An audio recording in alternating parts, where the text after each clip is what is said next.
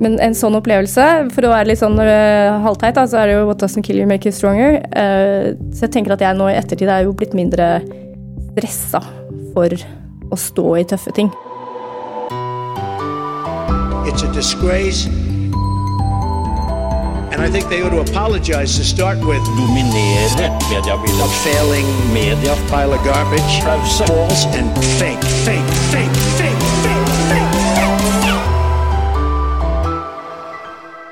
Hei og velkommen til en ny episode av Pressepodden. Mitt navn er Jan Magnus Weiberg Rørdal, og i dag har vi fått besøk av nyslått leder av Presselosjen, Marie Melgaard. Velkommen til Pressepodden, Marie. Takk for det. Vi skal snakke mer med deg om, ikke overraskende, politisk journalistikk, men aller først en liten reklamepause. Synes du det er vanskelig å holde deg oppdatert i en mediebransje i rask endring? Studiepermisjonsordningen tilbyr kompetanseheving gjennom kurs og stipender. Vi tilbyr bl.a. kurs på DataHarvest-konferansen i Brussel og gravekurs for lokalaviser på Hurtigruten. Tidligere stipendater har fått støtte til prosjekter som podkastfestival i Chicago, kurs hos The Guardian og emner på London School of Economics. Neste frist for å søke stipend er 1. april. Sjekk om du kan få gratis kurs og kompetanseheving på våre nettsider stupstipend.no. Skatteetaten søker pressesjef. Vår nye leder får ansvar for mediehåndteringen av saker som er særs komplekse, i et landsdekkende og fantastisk godt arbeidsmiljø, om vi må få si det selv. Les mer om stillingen på stilling.m24.no. Ja, Marie Melgaard. I forrige uke, når denne episoden spilles inn, så er det forrige uke, så ble du valgt til ny leder for Presselosjen, eller Stortingets presselosje, som det offisielt heter. Gratulerer så mye. Tusen takk. Jeg hadde egentlig tenkt å spørre nå hvorfor du ville ha det, og sånn, men jeg eh, snur litt på det. For, kanskje for å få med alle lytterne her som kanskje ikke egentlig veit hva Presselosjen er, så stiller jeg deg det spør spørsmålet først. Hva og hvem er egentlig Presselosjen? Ja, det er altså en eh, medlemsorganisasjon for eh, journalistene som eh, bruker og er aktivt på Stortinget. Og jeg tenker på det litt som en slags uh, sånn, Som et sånn tillitsverv, da. Uh, at jeg er en slags tillitsvalgt på vegne av de journalistene. Og vi er jo, uh, hva skal jeg si, mellom Stortinget og journalistene som er der. Det handler jo om hvem som skal få lov til å være medlemmer. Det er det vi i styret som avgjør, og så spiller vi det inn til Stortinget. Og så er det jo de som utsteder dette kortet, da, som gjør at du har tilgang. Um, så det å liksom holde på med medlemslisten og sånn er jo en viktig del av den uh, jobben. Uh, men det aller viktigste er jo å sørge for at vi som driver med politisk journalistikk, som er avhengig av å ha tilgang og også en stor, del, uh, stor grad av frihet på Stortinget, får de arbeidsvilkårene som vi trenger for å kunne levere den beste maktkritiske journalistikken. Men også sånn opp mot Stortinget så handler det også om å sørge for at eh, våre medlemmer da opprettholder de reglene som er, og at vi har da medlemmer som skal være medlemmer, eh, og ikke. Mm. Og det, ja, for det, det, når du sier med tilgangen, så kan man bare greit si at det, Når du har fått medlemskap i Presselosjen, får du adgangskort til eh, Stortinget. Medie24-journalister er for øvrig medlem av Presselosjen. Ja, det er veldig bra. Si ja. Så får du også faktisk fri tilgang til Stortinget sånn omtrent døgnet rundt, men du kan jo gå nesten hvor du vil, men så er det jo en del regler osv. Men, mm. men det kan være greit å si det. altså Alle presselosjmedlemmer har tilgang til Stortinget. Mm, men det er ikke en uh, gudgitt rett som man har hatt. Og det har vært noen uh, vurderinger tidligere og noen uh, saker hvor det har vært forsøk på å skrenke det inn. Så det er jo viktig at vi både holder den fanen høyt, at hvorfor det er viktig at vi har denne tilgangen, og så at vi forvalter det på en måte som gjør at det ikke blir noe grunnlag for å skrenke det inn. For jeg husker det var en periode hvor vi, når man kom på Stortinget, så ble man spurt hvem skal du møte, f.eks. Og det er jo veldig viktig for oss at det er jo ingen som skal vite det, om det er uh, Stortingets administrasjon eller noen andre. Vi skal få operere i, i fred. Og så er det sånn, Denne tilgangen som vi har, er jo, eh, den er veldig viktig for at vi kan gjøre jobben vår. Men ser man på andre parlamenter, så er det jo andre land også som har tilsvarende ordninger. Så det er ikke sånn helt unikt for Norge. Men samtidig så har vi jo en veldig god tilgang. Så det, mm det er vi jo glade glad for, da. Um, Og da kan jeg stille deg det åpenbare spørsmålet. Hvorfor ønska du å bli leder, eller hvorfor ønsker du dette vervet nå da, som leder? Ja, altså Når man går på som nestleder, så ligger det kanskje litt i korta at uh, arverekkefølgen kan bli sånn. sånn at da jeg ble nestleder, så tenkte jeg jo over at det kunne skje. Uh, og for meg var det greit. Men i fjor, da når Mats begynte å hinte kanskje om at han skulle slutte, så kjente jeg at det var litt for tidlig med små barn og full jobb og alt mulig. Men eh, nå tenker jeg at eh, jeg er et organisasjonsmenneske. Jeg har alltid vært med i organisasjoner og tatt på meg verv. Jeg syns det er gøy. Jeg tror at jeg er ganske god på å drive med organisering og planlegging. Som tross alt denne jobben også er en del av. Mye administrasjon. Samtidig som jeg er veldig opptatt av politisk journalistikk. Eh, og jeg er opptatt av at vi skal ha de beste vilkårene for å drive med det. Og med det som en innstilling, så tenker jeg at jeg kan gjøre en, en eh, god jobb, da. Og så må jeg også legge til at uh, i det styret under Mats, så var det veldig bra, kompetent styre som uh, gjorde veldig mye viktig og bra arbeid. Og det styret som går på nå, det ser uh, jammen ikke dårligere ut. Mm, nesten helt likt, da. Det, det er nesten helt likt, ja. Det var noe med det. Det er et par utskiftninger, da. sånn at det er jo også et veldig bra styre her som skal gjøre den jobben sammen med meg. Så det at man ikke skal gå inn i det her aleine, er jo også en stor pluss, da. Ja, fordi eh, du nettet det jo sjøl, og det burde jeg kanskje sagt innledningsvis. Men eh, for de som kjenner navnet ditt, så eh, kan du jo si du er jo til vanlig journalist i Dagens Næringsliv. Men du har vært nestleder i Presselosjen i mange år, bak Mats Rønning, da, som du nevnte, som ga seg tidligere i vinter. Um, eller i forrige uke, da. Forrige uke, ja. Det er fortsatt denne, vinter, faktisk, ja, ja, når vi ser ut. Så riktig det. Ikke minn oss på det. Men, men i forrige uke, da du snakka med oss så, og, og, ble valgt som leder, så sa du at du ville røkte videre på det arbeidet som det forrige styret som du nå nettopp skrøt av, hadde gjort. Eh, men samtidig gjøre noen nye ting. Eh, hva eh, kan det være, da? Ja, Skal vi gå rett inn på valgkampsaken? Er det det du ja, fordi, sikter ja, til? ja, fordi jeg, nå, det, jeg hører rykter om at du hadde én veldig tydelig valgkampsak for å bli leder. Da må du avsløre. Hva ja, var det? Nei, Det er rett og slett at vi skal få lydtette eh, bokser på arbeidsrommet til oss i presselosjen. Um, på Stortinget, ja. På Stortinget, mm. altså på Stortinget, vi har, Som vi nå har beskrevet fri tilgang, men så har vi også et arbeidsrom med pulter hvor eh, vi kan da sitte. Uh, og Det er mye å si om det rommet. Det er for lite og det er for trangt og dårlig luft og alt mulig sånt. Men det er nå nesten litt sekundært. For det som også er der, er to sånne telefonbokser uh, som dessverre ikke er lydtette. Så vi sliter litt. Vi er jo ganske mange pressefolk som er mer på dette kontoret enn på våre kontorer i, hjemme i redaksjonen. Men når, vi, når, du skal ta noen samtaler, og gjerne da fortrolige og hemmelige, så sitter du der, og så har du liksom både Dagbladet og NRK, VG og alle rundt deg som kan høre hva du sier. Og det er jo ikke helt heldig, da. Mm. Men jeg liker jo å tro at liksom, vi er såpass kollegiale i presselosjen at selv om du skulle høre hva eh, en konkurrent jobber med, så hopper du ikke på det. Men dette er noe som kan forbedres. Og så har det jo vært et arbeid med presselosjen og Stortingets administrasjon om forholdene og hvor man skal sitte og hvor man skal jobbe. Så det er jo en prosess som pågår.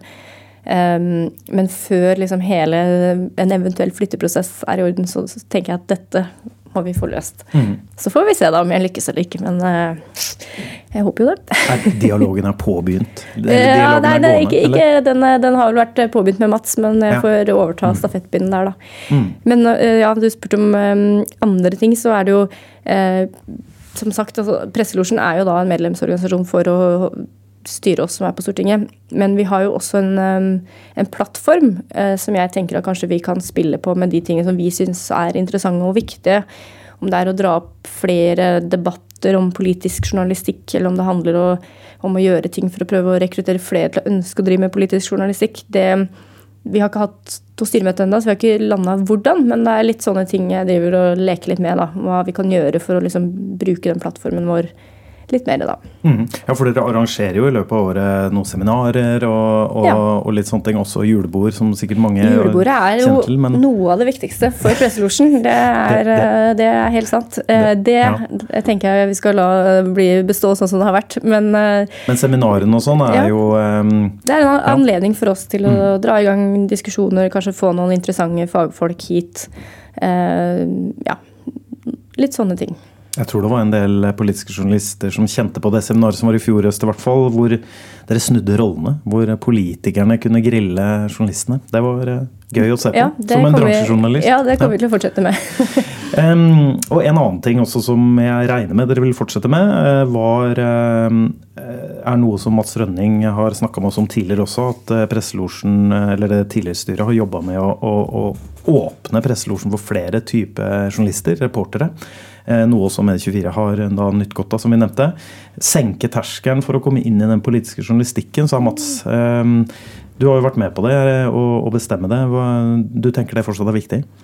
Ja, altså det Å senke terskelen for å bli politisk journalist og dekke Stortinget og dekke makt på den måten, det er jeg enig i. Men, men å, å, åpne opp veldig mye for mange mange flere medlemmer, sånn, der er det jo en balansegang. da, fordi at eh, Jo flere man blir, jo mer kan jo hende at uh, Stortingets administrasjon vil se litt på rettighetene. Så, så der er det litt sånn uh, jeg, jeg, er ikke helt sikker på hva Mats sikta til der, men uh, flere medlemmer er ikke nødvendigvis svaret. Men at man skal kunne ha sånn som f.eks. Medie24 eller andre lignende som, som tross alt har tenkt til å ettergå makta og trenger tilgang. Absolutt. Mm. Men jeg er litt opptatt av at vi skal være litt mer eh, Vi trenger mer rekruttering i journalistikken til politisk journalistikk. Og at vi der kanskje kan Det er jo redaksjonenes jobb selvfølgelig å, å velge hvem som skal gjøre hva og, og prioritere ressurser. Men at vi kanskje kan bidra til at flere ser for seg at det kan være et løp innenfor journalistikken. For det, jeg er jo fortsatt regna som en ung kvinne der, og nå er jeg 36 og tenker at det er jo ja, jeg er ikke så ung lenger, da. Men akkurat i presselosjen så får jeg fortsatt være det. Men da har vi kanskje en jobb å gjøre med å få inn eh, yngre krefter som har lyst til å drive med det samme som oss. da. For mm. jeg syns jo virkelig, og det er også en grunn til at jeg ville ha denne jobben, holdt jeg på å si, eller har sagt ja til den, er jo at vi driver jo med noe av det aller viktigste, om ikke det viktigste innenfor journalistikk. Og ettergå makta og passe på å undersøke og si fra. og den jobben vi gjør på Stortinget, gjør vi jo ikke på vegne av oss sjøl, vi gjør jo dette på vegne av offentligheten. Det er jo derfor vi får denne tilgangen. Det er ikke for at det er gøy for meg å sitte og drikke kaffe til tre kroner. jeg har jo et oppdrag der. Mm. Eh, ja, og en annen ting eh, for øvrig også, jeg bare kom på, du, du, nevnte jo det der med å åpne opp. altså det, fordi det har jeg også husker Mats har snakka om, eh, Rønning har snakka om. altså Navnet Presselosjen høres jo egentlig veldig eksklusivt og sånn eh, som en klubb. altså noe à la altså en losj. Da tenker du jo sånn der eh, hemmelig opptak og sånn, men, men, det er jo ikke det. Det er jo bare et litt gammeldags navn, kanskje? da. Ja, det er jo et litt mm. gammeldags navn, men jeg syns også det er noe fint ved det. For det, det går jo litt tilbake Jeg er ikke så glad i å være pompøs, men, men eh, når du ser på Stortinget, da, eh, så har alle sin plass. Du har liksom den lovgivende makt, den utøvende makt, den dømmende makt, og så har du den fjerde statsmakt. Som, vi har jo vår egen boks, som er presselosjeboksen. Ja, det er jo faktisk en losj nede på Ja, det er jo det. Ja. Og jeg syns det er egentlig eh, noe veldig fint, og det er jo det som er fint med demokratiet. Men nå ble jeg litt pompøs her, da. Men det er det det handler om. Eh, så jeg må si det navnet er Jeg syns det er fint, ja. Men jeg skjønner at det kan virke litt fremmedgjørende. Stupordningen bidrar til å holde deg faglig oppdatert i mediebransjen. Sjekk om du kan få gratis kompetanseheving på stupstipend.no. Skatteetaten søker pressesjef. Vår nye leder får ansvar for mediehåndteringen av saker som er særs komplekse i et landsdekkende og fantastisk godt arbeidsmiljø, om vi må få si det selv. Les mer om stillingen på stilling.m24.no. Vi eh, går litt ned, eh, litt ned fra presselosjen og litt ned til fordi eh, Navnet ditt er jo også kjent av en annen grunn i bransje, eller i andedammen, som vi gjerne sier. og Det er jo Bar Vulkan, Trond Giske-saken. Skal tilbake til 2019 da. De fleste som har lest Med24 siden det, veit hva vi snakker om. Har ikke tid til å dra hele minutten for minutt-dekningen av hva, det var, men du var jo en av VG-journalistene med byline på denne saken, mye omtalte. Du har snakket mye om dette tidligere, Marie, eh, og du har også eh, sagt at du er ferdig med saken, men du har også innrømmet at du var kritisk til VGs håndtering osv. Som sagt, vi skal ikke gå inn i detalj på det, men nå er det noen år siden. Jeg bare lurer på, hva tenker du om det nå, når jeg nevner Bar Vulkan Trond Giske-saken. Hva, hva, tenker du nå da, i 2023? Ja, altså, du sa at jeg snakka mye om det. Jeg tenker at jeg ikke har snakka så mye om det. For det er, eh, det er liksom mitt standpunkt her. at Det jeg hadde behov for å si om den saken, det sa jeg fra internt. Eh, og jeg har ikke hatt noe behov for å ha noe stort flammende oppgjør med VG i full offentlighet. Jeg tenker at jeg er ferdig med saken, VG er ferdig med saken, og jeg tror hele offentligheten er ganske ferdig med den saken. Men når det er sagt, selvfølgelig noen av aktørene er fortsatt uh, uh, til stede i verden, sånn at jeg forstår jo at dette er en sak som folk tenker tilbake til. Men for å dra en liten anekdote, så jeg holdt et foredrag for noen journaliststudenter her på Stortinget nylig. Og så kom jeg av meg sjøl inn på den saken, da. Men så så jeg bare at det hadde liksom ingen uh, stor klangbunn hos dem. Og så begynte jeg å tenke ok, hvis du er journaliststudent, kanskje du er 20 år, da. Da var du kanskje ungdomsskolen videregående når den saken kom. Så begynner det å bli ganske lenge siden. Verden har gått uh, videre.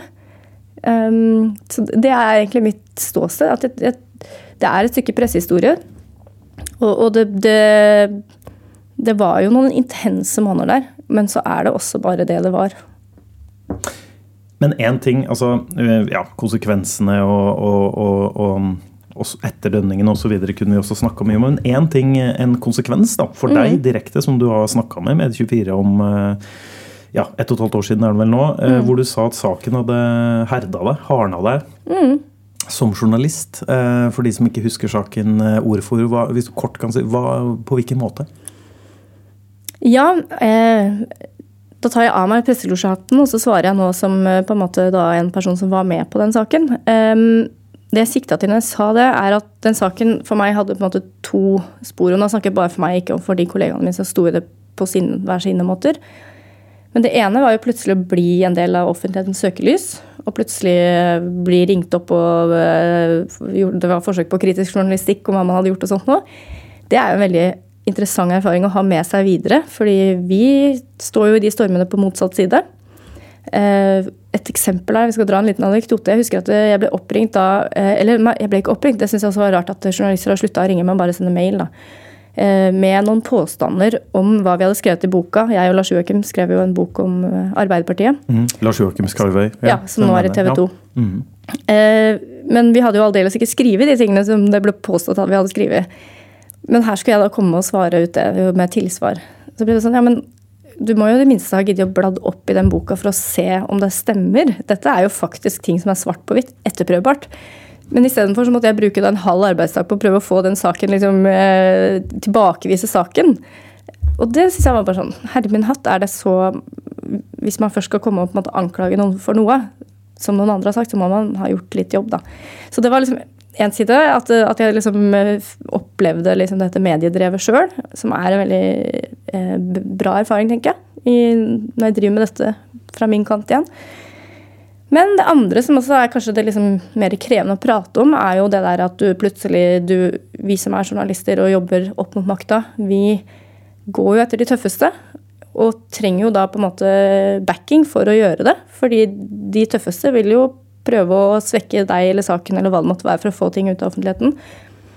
Og så plutselig, så i dette tilfellet, så opplevde jo vi at vi mista um, backingen fra VGs ledelse. Og det var jo en litt interessant erfaring, vil jeg si. Og plutselig bli stående der litt sånn aleine og mm, eh, Jeg syns også den opplevelsen med at ting som ble sagt i fortrolighet, ting som uh, vurderinger, kildeopplysninger, ting som ikke var ment å havne i offentligheten, plutselig havner i en offentlig rapport mot vår vilje.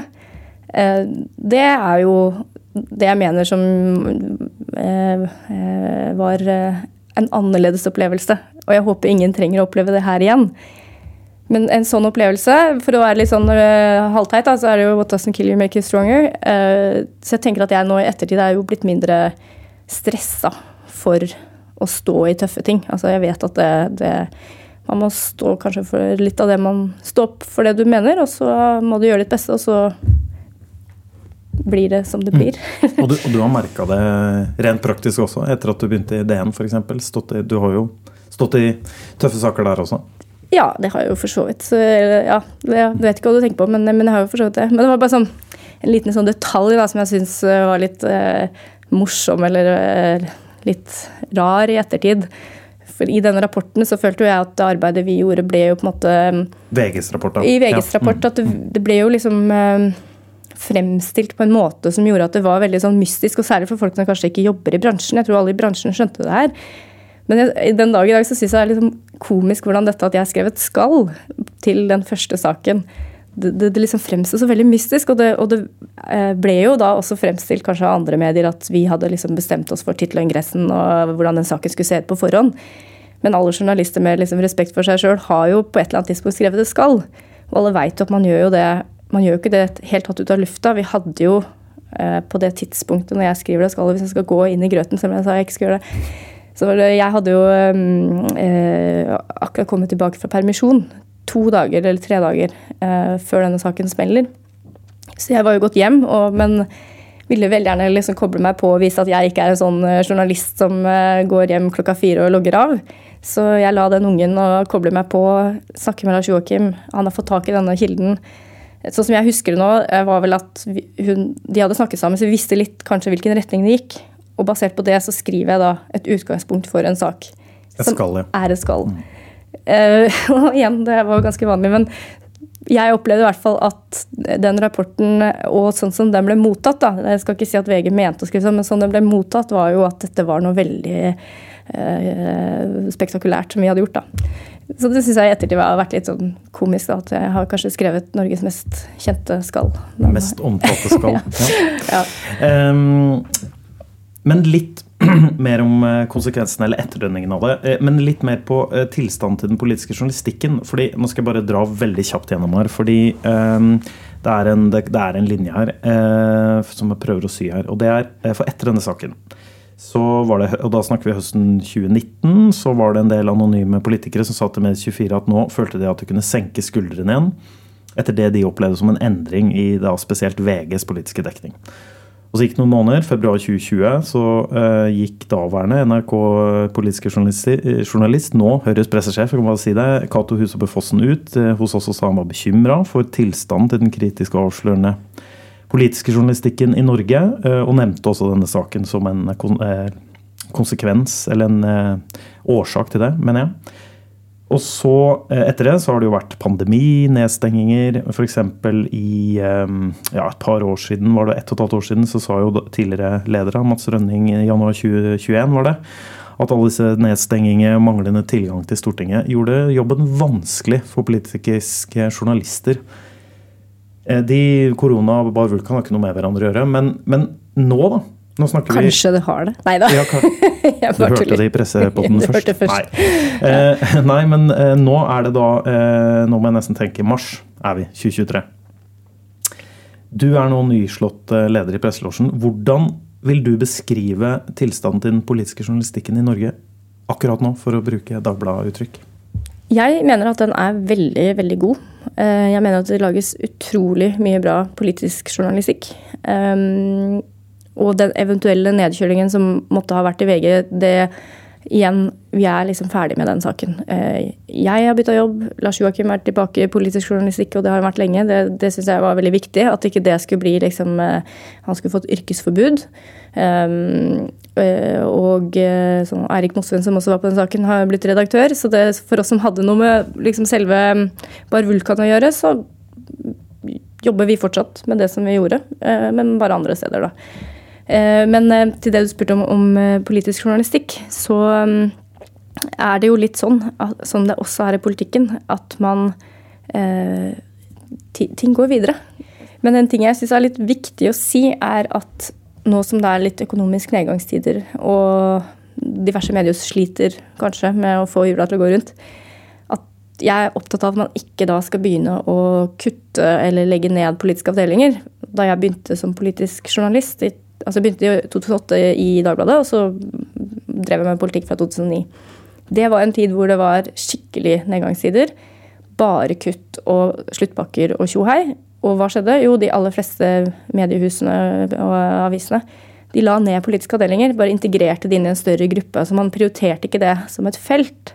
Og det mener jeg har jo satt oss egentlig litt tilbake når det gjelder rekruttering. da. Vi mangler liksom en generasjon der. Fortsatt, ja. Fortsatt, ja. Mm. Altså, det er der jeg sier jeg er ung og 36, mm. så det er liksom en gruppe som mangler imellom her. Men jeg opplever at den politiske journalistikken er på et annet sted enn hva den var i 2009. Eh, redaksjonene ser at det er viktig og riktig å ha det. Men jeg håper bare at det vedvarer selv i krisetid. da. At ikke det da liksom plutselig nå skal nedprioriteres, for da, da tror jeg vi vil ha et problem. Men er du bekymra for at det kan kuttes, da? Nei, det er det jeg sier. at Jeg opplever nå at, ja. at i de fleste medier så har det heller vært det motsatte. Man har sett at politisk journalistikk er veldig viktig og riktig, og man har heller oppbemanna de avdelingene. da. Flere aviser har jo liksom laget nye avdelinger. Mm. Men, men, med en økonomisk krisetid så vet man jo aldri hva som skal skje. Så det er bare der jeg er litt sånn øh, eh prøve å knesette liksom et uh, prinsipp at det politisk journalistikk må få bestå. da. Mm. Ja. Men opplevde du at det var uh, vanskeligere eller nedkjølende effekt eller, og vanskeligere forhold for politisk journalistikken da, i de, disse årene vi snakker, altså siden 2019-2020? Både ja og nei. Altså, jeg tror jo selvfølgelig at i VG som sto i den stormen, så var det jo litt det. Og så var det jo da noen av oss som slutta, så måtte de starte litt på nytt. Men, eh, men eh, nå tenker jeg at dette det, det, det, var et kortvarig blaff. Både VG og andre er liksom eh, tilbake. Som jeg sier at tida går videre, og så er det nye saker og nye ting å holde på med. Så um, det Nei. Mm. Um, jeg ser på tida, Maria, at uh, dette her kunne vi snakka lenge om. Uh, skal ja, ikke snakke så mye om Bar Vulkan. Ja, det var det jeg har lyst til å si som hun Sanna Marie. Da ja. må vi det. Men, uh, ja. men, men, vi skal gå inn for landing, da, som jeg liker å si. Og det er fordi det ikke blir for lang episode. folk har mye å gjøre i hverdagen, så de må kunne rekke å jobbe litt også etter å ha hørt på Presspodden. Siste spørsmålet. Vi tar det litt ned, som det heter. for det er ett spørsmål som du sikkert også har fått tidligere men som jeg syns er litt eh, artig. Og det er Du er jo eh, samboer og har barn med eh, en annen politisk journalist i andedammen, Kjell Magne Sørenes i Aftenposten. Han heter Kjetil. Men, ja. Kjetil Magne, jeg leser Jeg vet du tenker ja. på Bondevik, men det er ikke han. Det er ikke Kjell Magne, nei. nei, nei. Kjetil Magne Sørenes, beklager. Jeg har langt navn sjøl, så det, er, det her var det ikke det. Det var rett og slett bare at jeg leste feil. Uansett, han er politisk journalist i Aftenposten. Det er jo en konkurrent. Eh, for deg. Og da er jo spørsmålet hvordan snakker dere ikke om saker ved middagsbordet, frokostbordet osv.? Dere omgås jo naturlig nok daglig. Mm. Og jobber jo med mye av det samme. Altså, mm. Hvordan løser dere dette? Og jeg regner med dere har en løsning. Fortell litt mer om det. Ja, altså Løsningen er jo at vi snakker bare om jobb hele tiden. Eh, og jeg tenker jo stakkars de menneskene som ikke har noen å snakke med jobb om når de kommer hjem. Men eh, det er jo et skille. Altså, vi diskuterer jo da politikk, samfunnsliv, analyser, men selvfølgelig ikke kilder og kildeopplysninger. Ehm, det må vi holde for oss sjøl. Eh, men så er det jo noen ganger, f.eks. da, jeg har en sånn episode hvor eh, jeg fikk vite et eller annet som måtte ut, og sto på vei ut av gangen med noen unger og skulle levere de. Plutselig så bare Ok, nå må du levere de, for nå må jeg jobbe.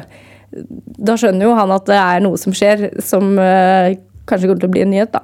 Så noen sånne her episoder er det jo. Men vi har jo vært sammen i 100 år snart og um, har jo vært journalister like lenge. Uh, så de aller fleste vet jo også om dette her, og de vet at uh, jeg har min greie og han har sin greie, og at vi skiller på de rollene. Så jeg tror de aller fleste som er politikere og treffer oss daglig på Stortinget, vet at vi er til å stole på. At vi ikke driver og liksom uh, Vi, vi har liksom rydda opp. Men eh, tilbake til sånne lydtette bokser, da, så har vi liksom ett sted hjemme i huset som er helt lydtett. Så hvis noen tar med seg data, telefon, headset og går inn på do og låser døra, så vet du at her er det noen Nå er det, kilde, nå er det, det kildesamtale på gang. Ja, på gang. Ja. ja. Altså, dette mener jeg sjøl at vi har ganske god eh, klaring på. Men det har skjedd eh, et par ganger at vi kommer hjem og så sier vi hva slags sak vi har skrevet. Og så viser det seg at vi har liksom hatt kanskje litt, litt for litt lik tenkning da, på hva som er en sak. Eh, men eh, det tenker jeg også er til å leve med. Mm. Ja, fordi jeg, eh, Nå skal vi ikke gå langt inn på dette, for nå skal vi som sagt gå inn for landing. Men jeg, bare, jeg har hørt mange journalister si det at ah, nei, jeg er glad jeg ikke er sammen med en annen journalist, fordi da kan jeg snakke om noe annet hjemme.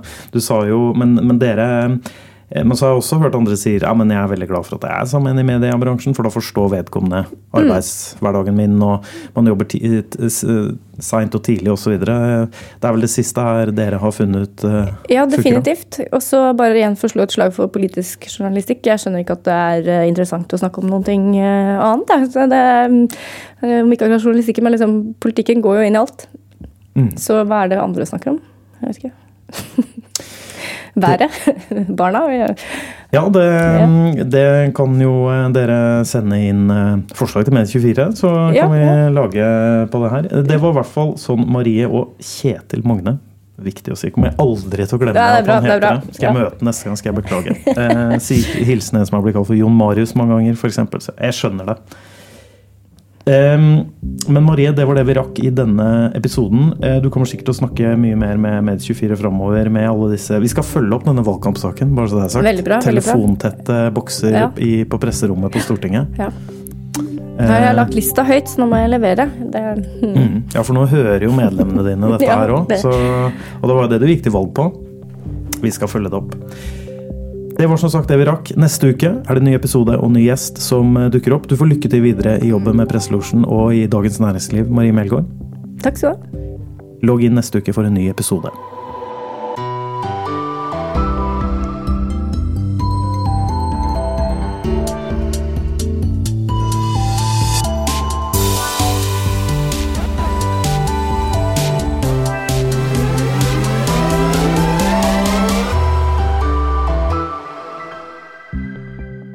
Stup-ordningen bidrar til å holde deg faglig oppdatert i mediebransjen. Sjekk om du kan få gratis kompetanseheving på stupstipend.no. Skatteetaten søker pressesjef. Vår nye leder får ansvar for mediehåndteringen av saker som er særs komplekse, i et landsdekkende og fantastisk godt arbeidsmiljø, om vi må få si det selv. Les mer om stillingen på stilling.m24.no.